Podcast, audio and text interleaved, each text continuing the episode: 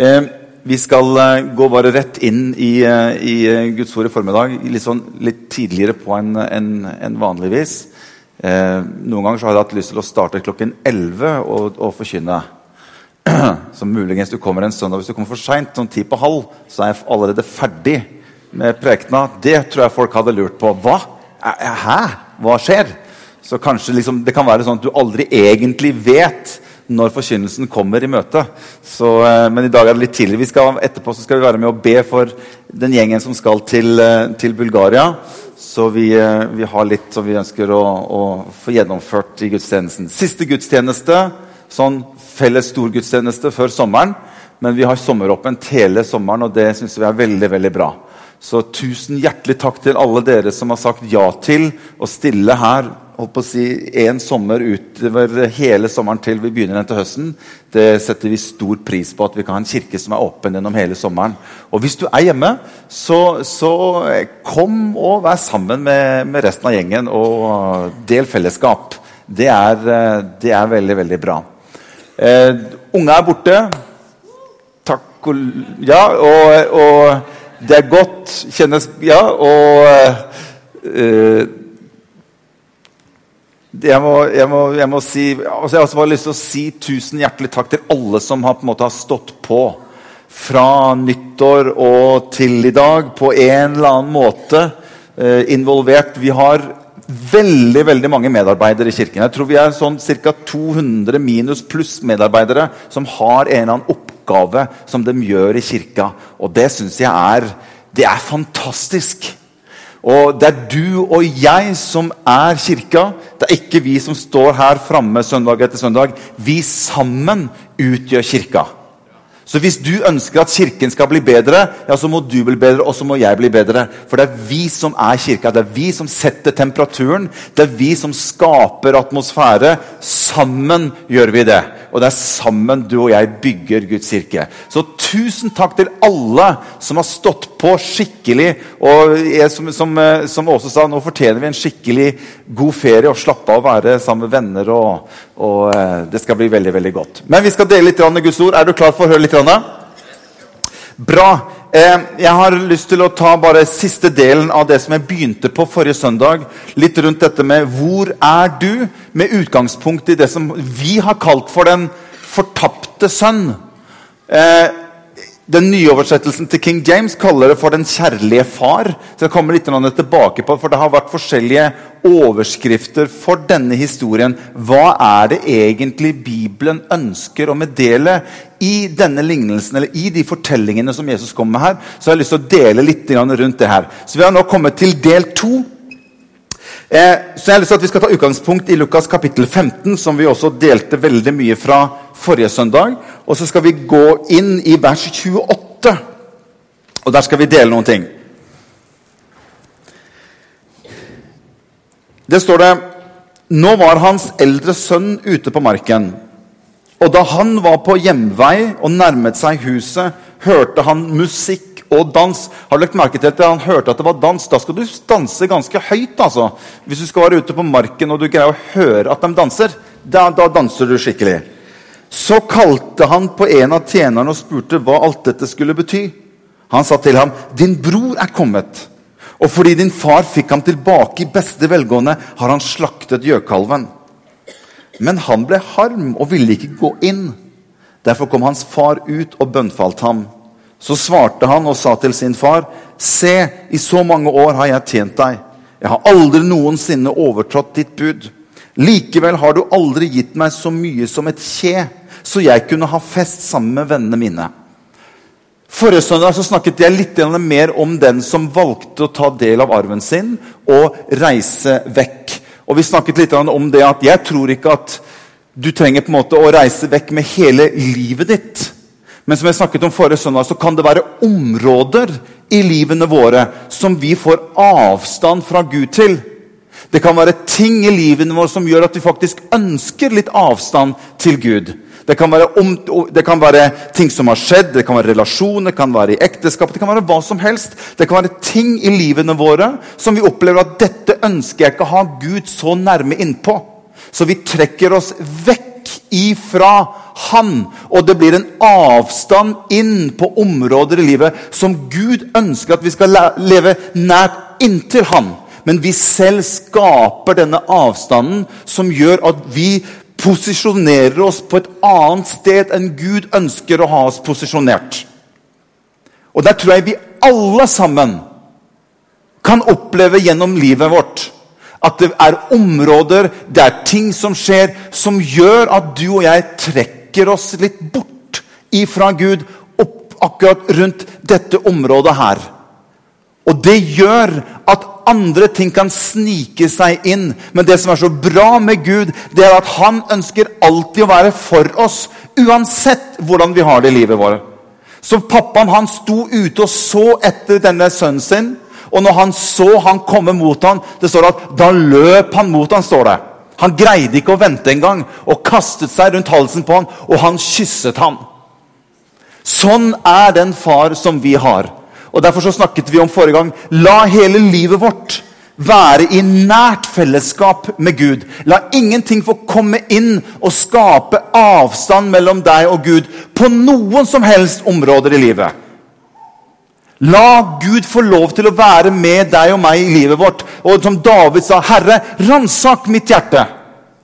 Og kjenn om jeg er på den rette vei.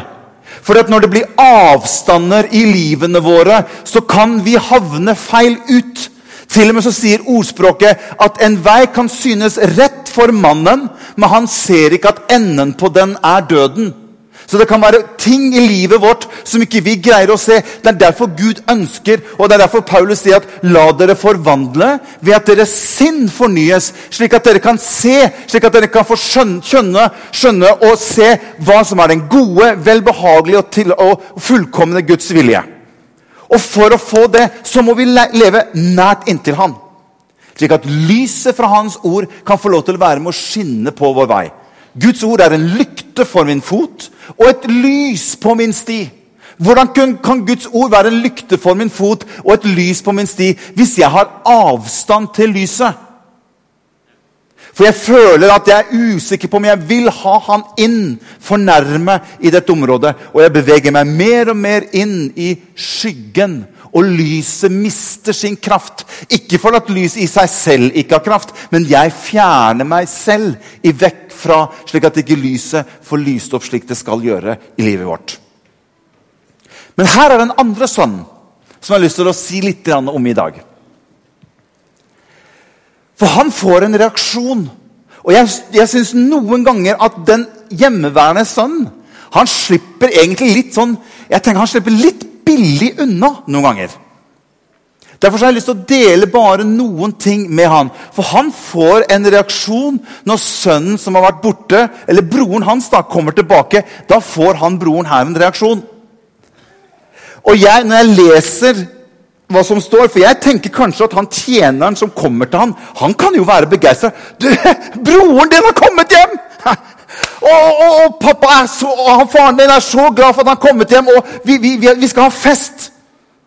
Og så er det et eller annet som dukker opp i denne broren, som gir en reaksjon som jeg bare har lyst til å si litt om. Hva skjer med denne broren som vi noen gang opplever? Han er jo den gode broren, for han er jo hjemme. Det andre stakk jo av. Men hva skjedde med denne broren? Han ville ikke gå inn engang. Han ble harm. Han ble misunnelig. Og det er det ordet som dukker opp i mitt sinn når jeg leser dette. og leser det noen ganger. Denne broren blir misunnelig, og vet du hva han blir misunnelig på? Han blir misunnelig på at hans far er god mot hans bror, når han kanskje ser på seg selv som bedre enn broren sin.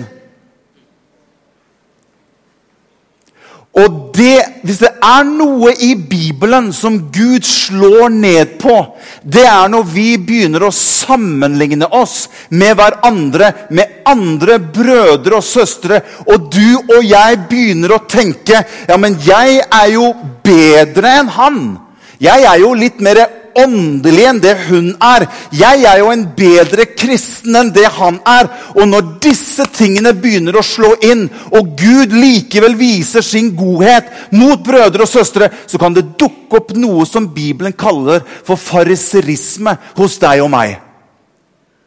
Han var hjemme, ja, men noe hadde likevel skjedd i hjertet til denne sønnen som hadde bygd seg opp over tid. Og det var at han kanskje begynte å se på seg selv. 'Jeg er ikke så verst, jeg.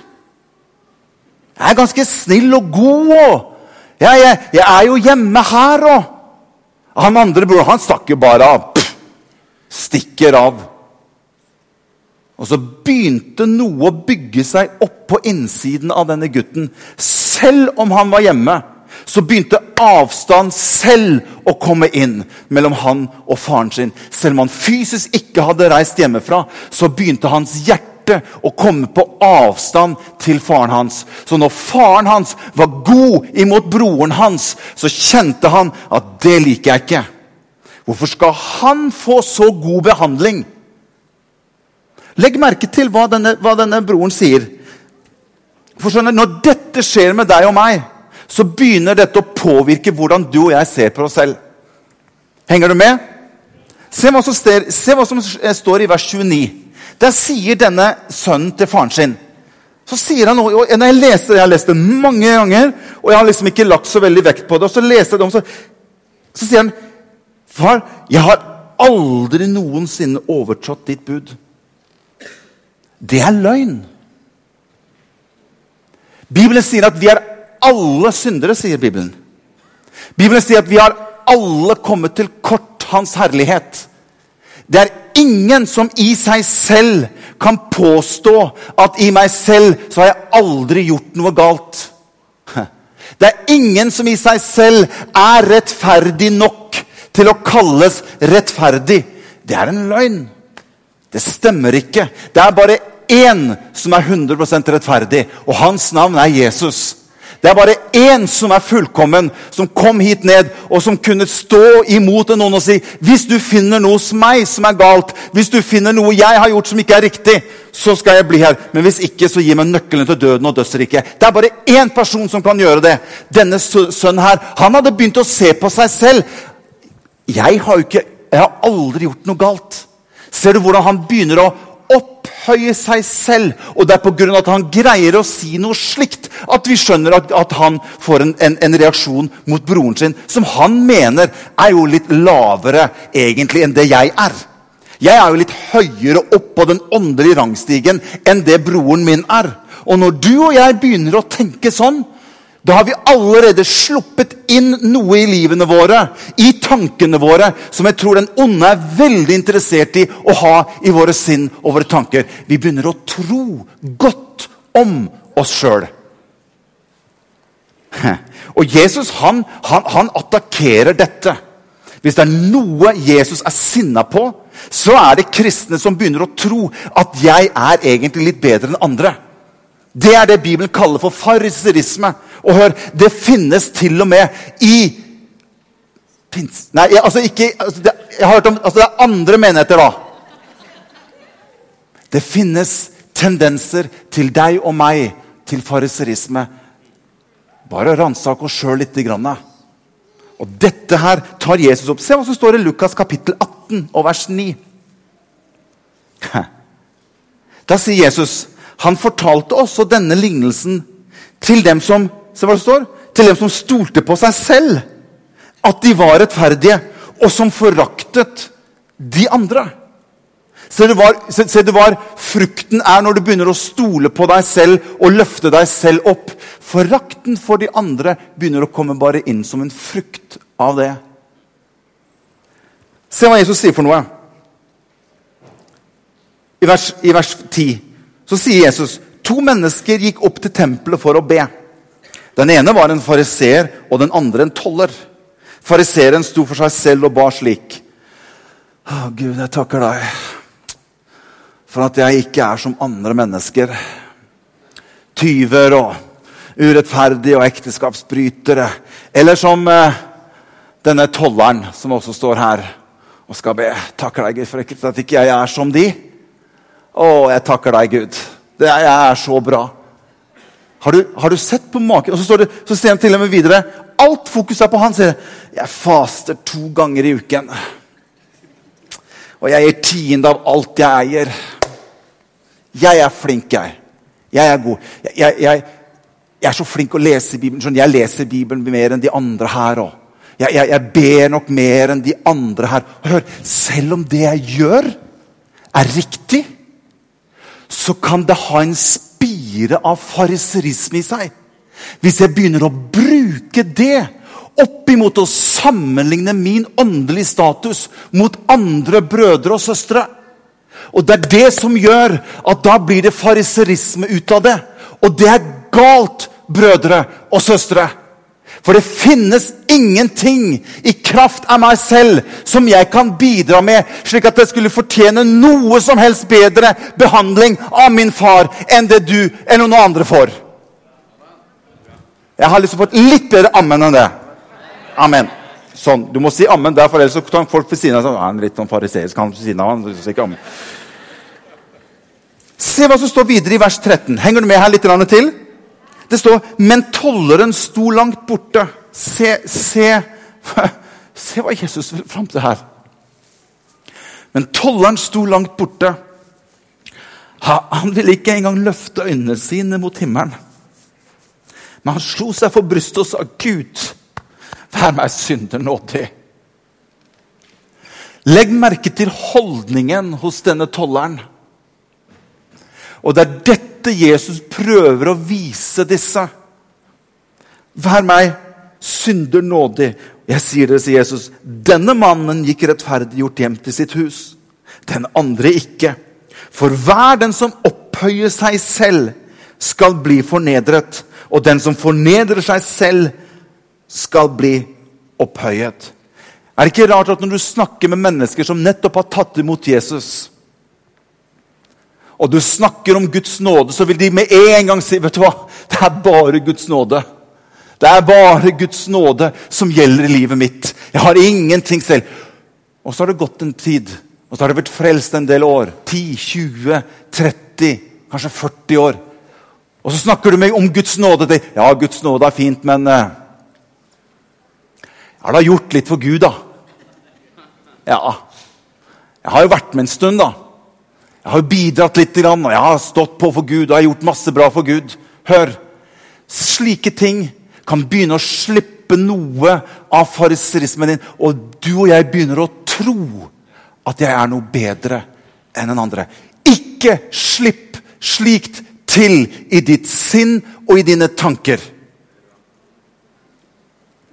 Vi kan aldri skryte av noe av oss selv. Og det var dette som var problemet med den mannen som nød disse arbeiderne til å komme inn. Og de som hadde vært der en god stund, de kommer tilbake til denne gårdseieren og sier skal du betale de som har bare kommet inn nå siste timen, like mye lønn som det som vi får, vi som har vært der en hel dag og arbeidet, og så gir du de akkurat like mye penger som det vi skal få. Så sier denne godseieren så sier det at så du har mot meg at jeg er god mot din bror. Ble ikke vi enige, du og jeg, om at det eneste som kunne frelse deg og meg, det var Guds nåde og ingenting annet? Har ikke du fått min nåde? Har ikke jeg gitt deg mitt liv? Men du begynner å ta inn elementer av selvopphøyelse over tid. Og det skader hvordan du og jeg ser på andre mennesker. Det er ingenting du og jeg kan skryte av i Guds rike, annet at han ga sin egen sønn for meg, slik at jeg kunne få lov til å finne nåde ved han. Det er det eneste jeg kan skryte av i mitt liv. Han elsket meg nok, så han ga avkall på sin egen herlighet og kom ned hit og reddet meg ifra mørket og satte meg inn i sitt rike lys. Det kan vi skryte av. Og la det bare være det vi skryter av, og ingenting annet. Og Det er derfor Paulus sier, 'Jeg vil ikke vite noe annet blant dere enn Jesus Kristus og Han korsfestet'. Amen. Vi kan ikke dra på sommerferie nå, dere. Nå må, ja, eh, Se, se, hva som står videre her. Jeg har litt til jeg skal dele med dere. Se hva som står videre. For, for han, Den sønnen han gir seg ikke. Se, så se hva han sier. Han sier Du har aldri gitt meg så mye som et kje, sier han. Ja, det stemmer heller ikke. For Hvis du legger merke til det som står i Lukas 15 og vers 11, da står det veldig klart Den yngste av dem sa til sin far Ja, han, han tok på en måte litt initiativet. Det gjorde han. Men så den yngste av dem sa til sin far, 'Gi meg den delen av eiendommen som tilfaller meg.' Og så står det Legg merke til hva teksten sier. Du må lese teksten grundig, Morten, for ellers så får du ikke med deg oppgaven. vet du. Syns jeg hører han læreren min si liksom Les oppgaven nøye tre ganger, ellers så har du ikke skjønt den. Ok, jeg leste den åtte og ni. Jeg skjønte jo ingenting. Det var mitt problem. Men her leser jeg nøye. Se hva står. Så delte han eiendommen sin mellom Mellom dem, ja. Så den sønnen som kommer til faren sin og sier 'Du har ikke gitt meg så mye som et kje engang.' Jo da. Når du var her, så delte jeg mellom dere. Og ikke nok med det. Det er den eldste sønnen som klager her. Og på den tiden så var det slik at den eldste fikk som regel dobbelt så mye i arv som resten av familien. Det er noen tradisjoner jeg ikke skjønner hvor ble av. Hvorfor kan man ikke bare fortsette med en del av sånne ting som det, og bare la Guds ord få lov til å være Guds ord? Så dette her skal jeg ta opp med mine foreldre. Noe må vi da holde fast med. Men denne sønnen her, han sier at du har aldri gitt meg så mye som et kje. Han fikk sin arv, men fokuset til denne sønnen hadde begynt å bli feil. Fokuset hvordan han begynte å se de andre, ble feil. Fokuset på hvordan han så seg selv, ble feil. Og fokuset på hvordan han så sin far, ble feil. Og ut ifra det så mener denne sønnen at han ikke sitter igjen med noen ting. Og faren sier, men sier, 'Du er jo alltid med meg.' Hvor har det blitt av fokuset ditt, sønnen min? Og alt mitt er jo ditt. Men du har mistet synet av hva som er kilden din, for du har begynt å tro at det er du selv som er god. Gud hjelpe oss, slik at vi stiller oss i den situasjonen som vi skal være, oppimot Han som er vår far. Er du med? Helt til slutt. Du vet at Det er faktisk tre lignelser i Lukas kapittel 15. Det er tre lignelser som Jesus egentlig forteller. Og noen det er for dere som liksom har lyst til å tygge på den utover sommeren. Noen mener at de tre lignelsene her sier Jesus som et bilde på treenigheten. Hæ? Ja, det, det er sommerquiz. Men, men, men, legg merke til bare hvem som er deltakerne. Hyrden, som mister en sau. Kvinnen som mister sølvmynten sin, og det ble glede. Hva er, hva er en frukt av Den hellige ånd? Det er glede. Og så til slutt så har du faren som mistet en sønn. Ok, den, Dere får ta med den, og så får dere tygge litt på den utover sommeren. Men det var ikke det jeg ville vise dere. Men det er tre lignelser. Den bortkomne sauen, den tapte mynten og den kjærlige faren. Hvorfor forteller Jesus disse lignelsene? Hvor, hvor, hvorfor begynner Jesus å fortelle dette til de som satt rundt han? Gå sammen med meg i Lukas kapittel 15 og vers 1. Lukas 15 og vers 1. Der står det alle toller og syndere holdt seg nær Jesus for å høre ham. Fantastisk. Hæ? Fariseerne og de skriftlærde de klaget. Og så sier de noe til Jesus, og det er ut ifra det Jesus responderer tilbake med de tre lignelsene. For de sier denne mannen tar imot syndere og spiser sammen med dem. Aha. Så de anklaget Jesus med at han tar imot syndere og deler fellesskap med dem. Det er det fariseerne anklager Jesus med. Og ut ifra det så er det da fortalte Jesus ham, eller folket denne lignelsen og sa Felles i alle disse tre lignelsene Dere kan lese de lignelsene når dere kommer hjem. Men felles i alle disse tre lignelsene det er at noen mister noe som er dyrebart. Hyrden mister en sau. Kvinnen mister en mynt. Og en far mister en sønn. Og jeg tror at Jesus, når han sitter og forklarer folket med disse lignelsene, ønsker å vise en side ved Gud som er det viktigste i alle disse tre lignelsene. Jeg skal avslutte med, med, med dette. Jeg skal bare si litt om den første lignelsen som står i Lukas 15, vers 4. For da sier Jesus Hvilket menneske blant dere som har 100 sauer og mister en av dem, vil ikke forlate de 99 ødemarken og gå av sted og lete etter den ene som er mistet, til han finner den. Og når han har funnet den, legger han den på skuldrene sine og gleder seg.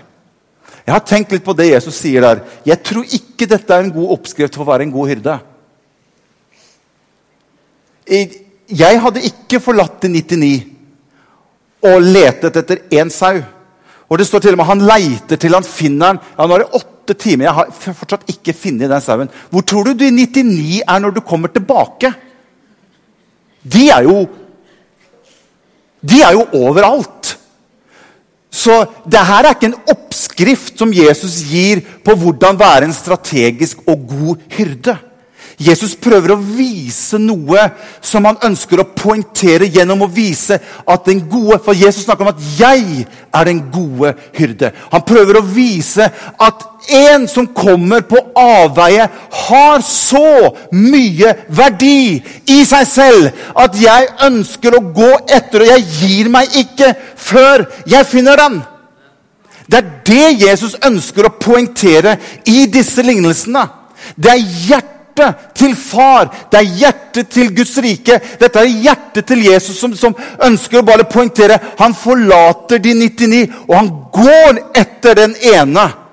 Og han gir seg ikke før han finner den. Hvorfor det? Jo, fordi at det er så mye verdi i individet. Det er så mye verdi i deg og meg som menneske. Du og jeg, vi er så unike, så verdifulle, at han går etter deg. Og det er sånn at Gud behandler ikke deg og meg som en gruppe. Det er ikke sånn at ja, ja, nå er det såpass mange som, som allerede tror på meg, så det er ikke så nøye med de andre. Absolutt ikke. Han går etter det som er fortapt. Han går alltid etter det som har kommet på avstand. Det viser noe av hjertet til Jesus. Halleluja. Hebreerne 13,5 sier, 'For han har selv sagt' For han har selv sagt Nå skal jeg ikke gå inn på det. men er, Du kan søke i Bibelen. Søk alle de steder hvor det står 'For han har selv sagt'. For han har selv sagt. Veldig interessant å se. For han har selv sagt 'Jeg skal aldri forlate deg' og aldri svikte deg'. Skjønner, Disse lignelsene viser noe om hvordan Gud ser på oss som mennesker. Se det siste bildet. Det er tre ting som jeg syns er det som er hovedfokuset, hovedinnholdet i disse tre lignelsene. Det er at du er dyrebar. Du er verdifull. Mynten som ble funnet, hadde en verdi i seg selv. Og du er unik. Og Derfor så går Gud etter deg og meg. Og han viser noe gjennom denne lignelsen. At du er unik og verdifull for Gud. For en Jesus vi tjener.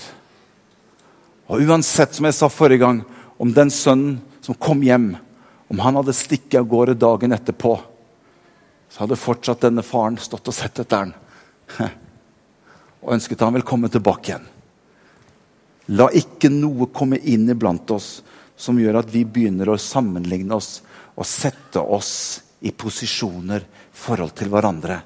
Ja, ja, han er ikke så. Jeg er nok litt bedre. La det være borte ifra oss. La det være borte ifra oss.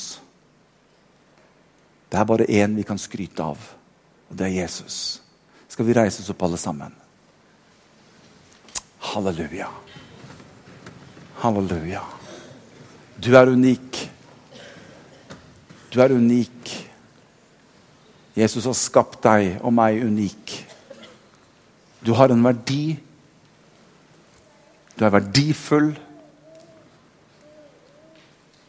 Og det er det Gud alltid er på jakt etter. Verdien din og min ligger ikke i at du og jeg skal prøve å få til noe for Gud. Men verdien ligger i deg som individ. Det er der din og min verdi ligger. Så jeg har lyst til å spørre deg til slutt hvor er du enn i denne historien her? Jeg tror vi fleste av oss på et eller annet sted kan være på et eller annet område. Hvor er du? Hvor er du hen? Denne sønnen som var hjemme, hadde likevel fått en avstand til sin far, selv om han var hjemme. Det har med ditt og mitt hjerte å gjøre hvordan vi har det med Gud. Og jeg har lyst til å si en ting Når vi går inn i sommeren, så har jeg lyst til å si Del fellesskap med far. Del fellesskap med Jesus. Og jeg har lyst til å si også noe. Du skjønner, Det viktigste må ikke at du og jeg skal gå gjennom bønnelista vår og skriftstedene vi skal, vi skal lese. Jeg tror Noen ganger så blir vi litt sånn flinke til noe. Og så sitter Gud Hallo, unnskyld. hallo. Ja, nå, nå, er han opptatt, altså. Nå, nå, skal han gjennom bønnelista si og nå skal han lese alle de skriftstedene. Hallo, hallo. Så blir det det. Du skjønner, Det går an å være fjern selv om man gjør rette ting. Gud ønsker å ha kontakt med deg.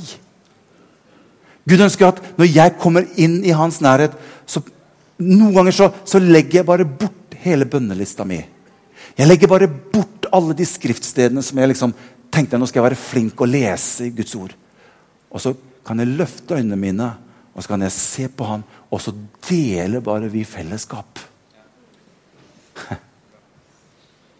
Noen ganger så er det ålreit at Anette ikke prater så mye.